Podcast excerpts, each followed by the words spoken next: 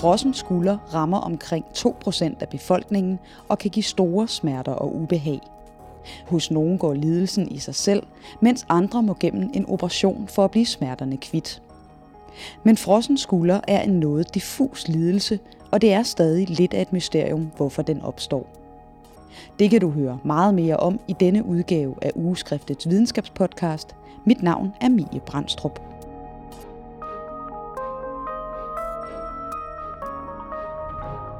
Jeg hedder Claus Bak, jeg er ortopædkirurg og øh, er medejer på Kysthospital i Skodsborg. Og kan du starte med at fortælle, øh, hvad er en frossen skulder, sådan øh, lidt mere præcist? En frossen skulder er en øh, tilstand i skulderen, som er karakteriseret ved, at der er i starten ret kraftige smerter, og øh, efterhånden også øh, en, en stivhed i alle planer. Øh, og det er faktisk det, der definerer den frossen skulder, det er, at man ikke er i stand til at bevæge skulderen, øh, og det er undersøgeren heller ikke. Det vil sige, at den passive bevægelighed er nedsat, både udrotation, abduktion og flektion.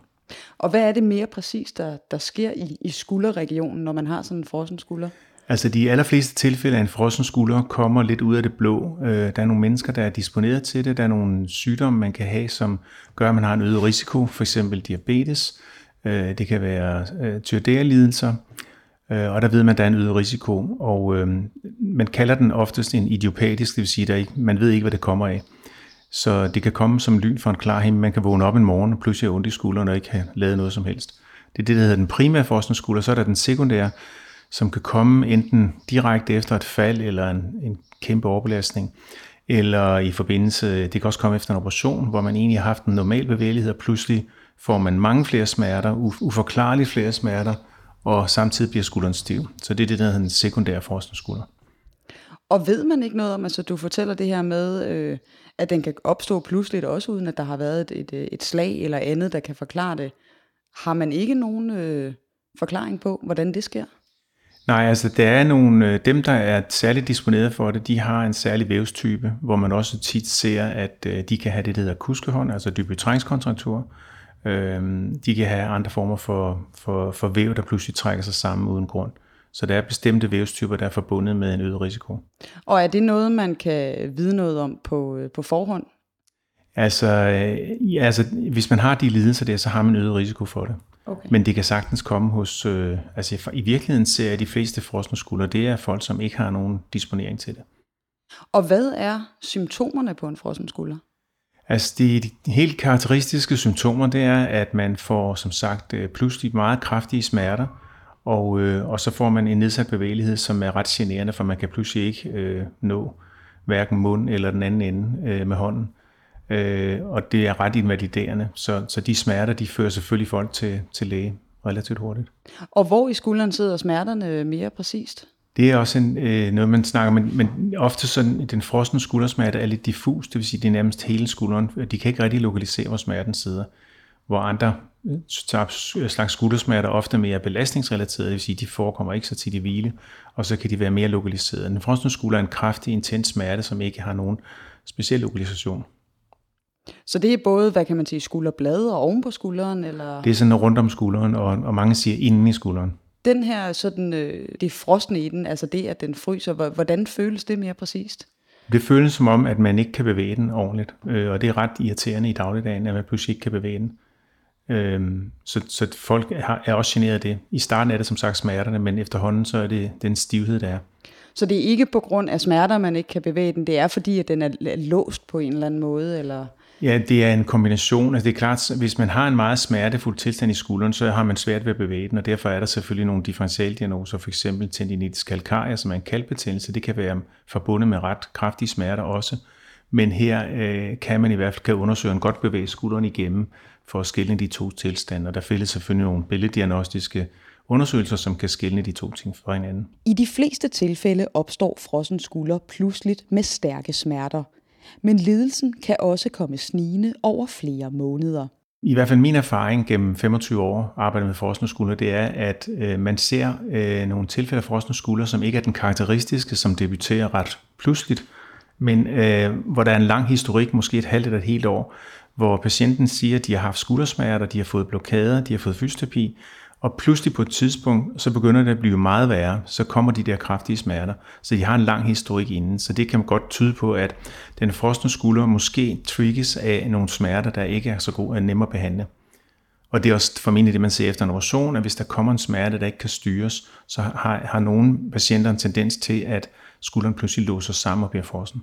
Så de, hvad kan man sige, de snigende smerter, som, som kan være op til et år inden, som du siger, behøver ikke nødvendigvis at have noget med den frosne skulder at gøre, men det kan udløse det? Ja, det, det er min erfaring i hvert fald, at det kan være det, der hedder impingement, som kan have stået på i længere tid, eller det kan være andre typer. Det kan også være efter et fald. Øh, man er måske faldet på ski, og så et halvt år efter, så kan man godt mærke, at der er noget med skulderen, og pludselig så går den over i en frossen skulder. Det ser man hos yngre mennesker, hvis de har slået øh, labrum, øh, at de pludselig på den tidspunkt får en stivhed. Det er formentlig en beskyttelsesmekanisme, at skulderen fryser fast, så den ikke bevæger sig meget. Så det, i det tilfælde ser man det. Det er jo typisk en sekundær skulder. Så der er ikke noget i, øhm, i de smerter eller de snigende forløb, der ligesom kan varsko en om, hvad der måske er på vej? Nej, det, lige præcis, og det, det er sådan en speciel, i mine øjne, speciel form for frossen skulder, fordi det ligner det ikke fra starten. Hvorimod den klassiske forskningsskulder, den er man næsten ikke i tvivl om. Så hvis en, en praktiserende læge ser sådan en patient, der rapporterer, at de pludselig har fået smerte i skulderen uden nogen grund, så er det ret tydeligt, hvor den anden den er lidt mere øh, lusket, kan man sige. Det tager lidt længere tid, men pludselig har de de samme symptomer, men med en længere forhistorie. Du skriver også i statusartiklen, at det typisk er i den ikke-dominerende arm, at man får en forskningsskulder. Ved man noget om, hvorfor? Nej, det er rent. Det er, det er det, man kan se ud af artikler. Øh, der er ikke nogen, der har nogen god forklaring på det. De patienter, som øh, kommer herud til jer på, øh, på Kysthospitalet og bliver øh, behandlet for eller opereret for, øh, for frossen skulder, er, er der noget generelt at sige om, om, om dem? Nej, altså som sagt, der kan være flere former, og øh, øh, jeg tror, det, som er, er vigtigt med det, det er, at man kan sige, at øh, ofte at de patienter, der kommer med frossen skulder til en specialist som mig, de har, øh, altså det, det er de svære tilfælde, så der vil være en masse øh, patienter med frossen skulder, som enten bliver relativt hurtigt raske spontant, eller som bliver taget sig af i den primære sektor. Så øh, det, man ser øh, enten på et universitetssygehus eller på, øh, på et privathospital, det er dem, hvor det ligesom alt andet har slået fejl. Der er en lille overvægt af kvinder, og, øh, og som sagt er der nogle sygdomme som diabetes og tyreoiderlidelser, som disponerer til det. Specielt diabetes. Det har noget at gøre med vævstyr, hvordan vævet det reagerer, de processer, der foregår i en frossen skulder. I en overgang mente man, det var en inflammation, så gik man væk fra det, og nu ved man, at der er en inflammation, men der er også en slags øh, der er en fibrose i kapslen, der foregår en proces i kapslen, som man ikke rigtig ved, hvad kommer af. Der er en risiko for, at frossen skulder bliver forvekslet med andre typer skulderlidelser. Men den bedste indikator er de stærke smerter i den første fase, fortæller Claus Bak. Det, som adskiller en frossen skulder fra mange andre af de patienter, øh, som praktiserer læger med skuldersmerte, det er, at det er en meget kraftig og intens smerte. Det er en patient, der kommer ind ad døren og holder på sin arm øh, i hvert fald i de første faser. Der er jo flere faser. At I den første fase, som kaldes den varme fase, der er der kraftige, kraftige smerter og begyndende stivhed. Og så kan de også komme senere i forløbet, hvor det er mere stivheden, der dominerer, øh, hvor der er lidt mindre smerter. Du siger, der er tre faser typisk i den, i den frosne skulder. Hvad går de ud på?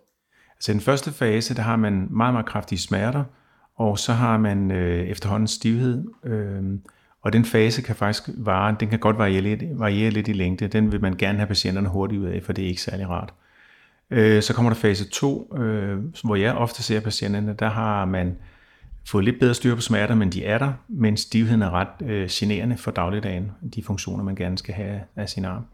Og så i fase 3 er det så primært, der er slet ingen smerter mere, og der kan det være sådan, at man har en fornemmelse af, at stivheden langsomt giver sig, og så kan man sige til folk, at at det kommer til at gå over. Det, det kan tage et år eller to, nogle gange lidt længere, men så længe det går langsomt fremad, vil man ikke gøre yderligere det. Og så er der dem i fase 3, hvor, hvor der er en meget, meget generende stivhed, som bare ikke giver sig.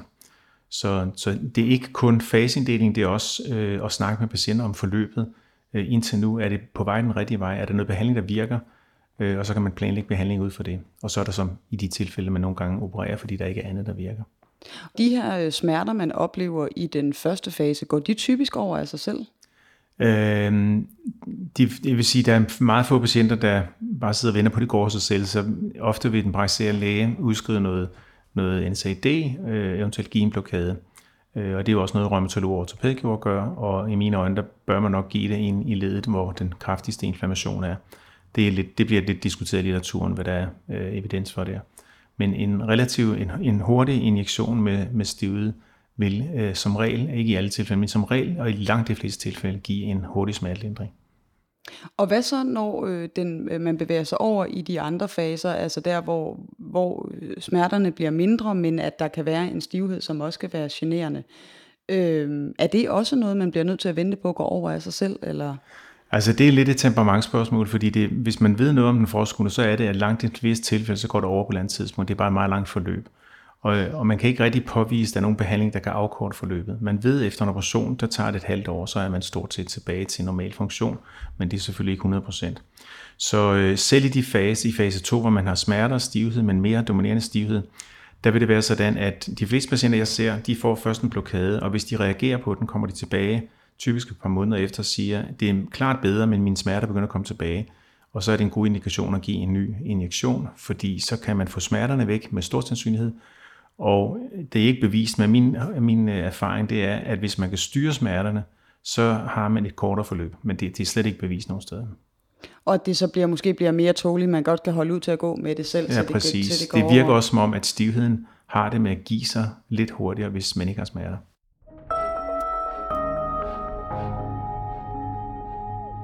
Der findes flere forskellige typer af behandling for frossen skulder. Nogle må som nævnt igennem en operation for at få smerter og stivhed til at gå over. Men det er meget individuelt og afhænger også af, hvilken fase lidelsen er i. Altså der findes en del undersøgelser og en del behandlinger, der bliver tilbudt, og øh, der findes også nogle gode randomiserede undersøgelser. Jeg tror, det er meget specialafhængigt, hvad man gør. Øh, det er jo helt fra NSAID til injektioner med steroid. Der er stadig nogen, der giver tabletbehandling med steroid. Der kan være nogen, der giver dilatationer, altså hvor man udvider kapslen. Øh, nogen går direkte på dem med operation. Så, så i virkeligheden kan man i litteraturen ikke finde nogen rigtig god evidens for, hvad den bedste primærbehandling er. Men altså, der er flere, øh, der er flere muligheder. Men der vil næsten altid typisk være en eller anden form for smertelindring til at starte med? Eller? Altså det, det er i hvert fald min øh, hypotese, det er, at hvis du kan få styr på smerterne, så tager folk det både bedre, og så er det også som om, at stivheden er knap så dominerende eller tør hurtigt op men der findes ikke nogen evidens for det. Men er det en, øh, en sygdom, hvor det, eller en lidelse, hvor det hjælper at træne?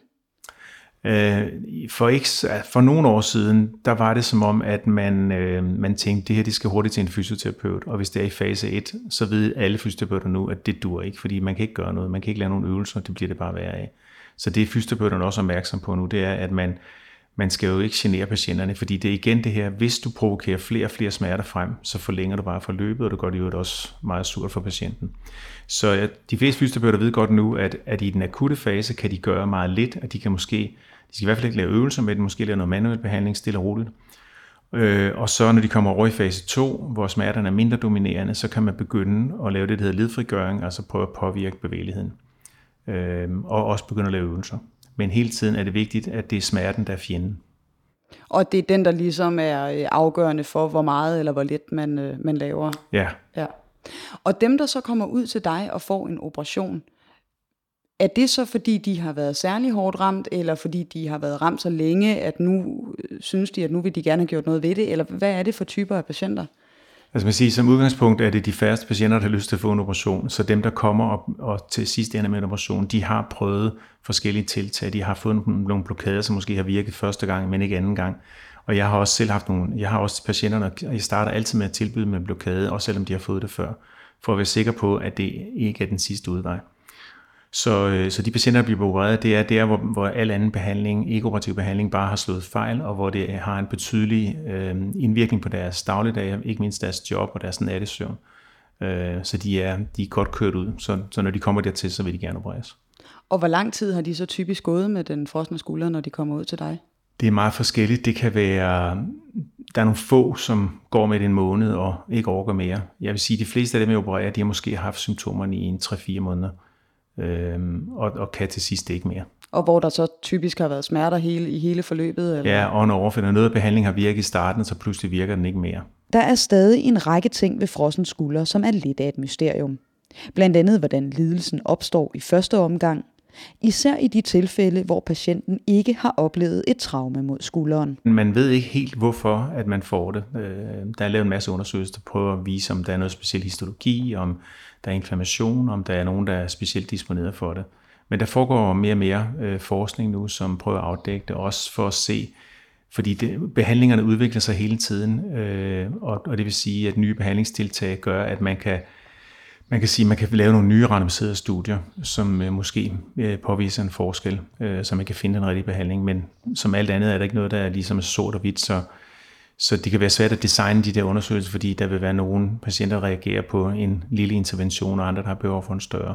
Så igen, der tror jeg, at problemet er, at der findes en del forskellige slags frosne skulder og forskellige forløb, ikke mindst. Så indtil videre, der er det primært det her med, med vævstypen, man har at gå efter, eller hvad, som du også nævnte tidligere? Ja, men jeg tror ikke, man er kommet så langt for, at man kan sige, at man kan pille nogen ud og, og give en eller anden form for forebyggende behandling. Øh, så så det, det kender jeg i hvert fald ikke til. Og når du siger det her med, at der er forskellige typer af frosne skuldre, er det så øh, forløbet i de tre faser, eller er det, hvor man har ondt, eller hvad er det mere præcist? Jamen, det er den måde, det opstår på, og den måde forløbet er, og så selvfølgelig, der er den primære og den sekundære. Man ved, men jeg plejer til at sige til patienterne, at der er en relativt stor risiko for, at de får det på den anden side også inden for de næste to år. Og det betyder faktisk, at de kommer lidt tidligere tilbage. Øh, jeg har ikke nogen tal for det, men det virker som om, at fordi de lige pludselig er opmærksom på, at de overgår ikke de der to år en gang til, så kommer de tidligere med den anden skulder og får et lidt kortere forløb. Men der findes ikke nogen rigtige tal for, der er noget bevis for det. Og kommer de så typisk ud og får en operation med det samme, eller er det... Øh... Øh, nogle enkle nogen øh, kan huske, at det var kun operation, der virkede, og så kommer de og beder om operation med det samme. Det er måske de færreste, men de fleste kommer og beder om en indsprøjtning. De diffuse symptomer på frossen skulder betyder også, at nogle patienter fejldiagnostiseres. Jeg tror, de fleste skulderspecialister oplever, at, øh, at de får henvist patienter med frossen skulder, som kan bevæge fuldstændig normalt. Og det vil sige, at de har fået en forkert diagnose fra starten. Øh, og omvendt er der også masser, der kommer med øh, diagnoser på impingement, eller de har fået en ultralydsscanning med en fortykket supraspinatus-scene for at vide, at det er det, der er galt. Og når man så undersøger dem, hvad røntgenlægerne ikke gør, de har jo deres eget felt, så kan man tydeligt se, at de har en forskningsskulder. Så det er, og det er også blevet skrevet mange gange før, det er tit en fejldiagnose. Øh, både øh, positiv og negativ, kan man sige. Der kommer nogen, der ikke har det, så kommer der nogen, som ikke har fået den stillet en rigtig diagnose. Og hvorfor tror du, at, der så, at det her så ofte bliver fejldiagnostiseret, altså både i den ene og den anden retning, kan man sige? Altså jeg tror, at de fleste praktiserende læger kan i dag stille den diagnose, men de har selvfølgelig også rigtig, rigtig mange øh, tilstande, de skal tage stilling til at kende diagnosekriterierne på. Øh, Øhm, så, øh, så, og, og så bliver man nogle gange forvirret, fordi de synes også, at det er en god idé at sende til en scanning, og det er ikke altid, det er meget sjældent, at ultralydsscanninger giver øh, diagnosen, og, og røntgen kan kun give diagnosen på det tidspunkt, hvor det stod på så længe, at knoglene begynder at blive nærmest myldet. Så, så, så, så hele det diagnostiske, det er en klinisk diagnose i mine øjne. Man kan bruge billeddiagnostik til at i nogle tilfælde at dokumentere det, men i langt de fleste tilfælde til at udelukke andre diagnoser. Den kan sagtens stilles i, øh, i primær praksis med få midler, det vil sige øjne og ører, øh, nedsat passiv rotation i tre retninger og smerter, der er, og der er ikke noget traume eller noget, så er det næsten helt sikkert en, en frossen skulder. Ja, fordi vil de fleste patienter ikke tage til egen læge i den periode, hvor smerterne er værst? Altså. Det gør det jo typisk jo. Ja. Og det er en indikator i sig selv? Ja, man kan sige skuldersmerter, som patienterne har jo sjældent selv diagnosen med, men de kan komme og sige, nu har jeg meget ondt i min skulder, det må du prøve at finde ud af. Øh, og i dag er der selvfølgelig også sundhedsforsikring, så der er mange, der, der relativt hurtigt kommer på præhospitaler øh, og, og får en udredning der. Så det er, hvad kan man sige, den, den skarpe smerte i kombination af, øh, at man har svært ved at bevæge øh, skulderen, som ja. man bør være opmærksom på. Ja. Den, den hyppigste årsag til skuldersmerter er nok impingement, og, øh, og det er jo noget, der kommer snigende og altid er belastningsrelateret. Det er noget, folk går længe med og siger, nu kan de pludselig ikke mere, for de kan ikke sove om natten for smerter, eller de har brug for mere og mere smertestillende. Hvor den frosne skulder altså som hovedregel øh, debuterer meget mere pludseligt, og uden at man egentlig ved, hvorfor. Men det er jo lidt, øh, det er jo lidt øh, spøjs det her med, at man ikke har nogen øh, viden om, hvordan det er, det opstår. Er det noget, man, øh, man forsker i, enten herhjemme eller i udlandet? Ja, altså jeg ved, der foregår nogle undersøgelser rundt omkring. Jeg ved også, de laver et stort projekt på Bispebjerg nu, som prøver at lede efter årsagen til det. Der er også øh, øh, ja, der, der er en masse omkring de her smertegeneratorer. Hvad er det for nogle stoffer, der, genererer, der, der giver smerterne ind i skulderen? Men igen, altså selvfølgelig det vigtigste budskab, og en af grundene til, at jeg synes, det er godt, der er statusartikler i udskrift, det er, at, at, at mange af de her diagnoser er ret simple, så de kan godt stilles i primærsektoren.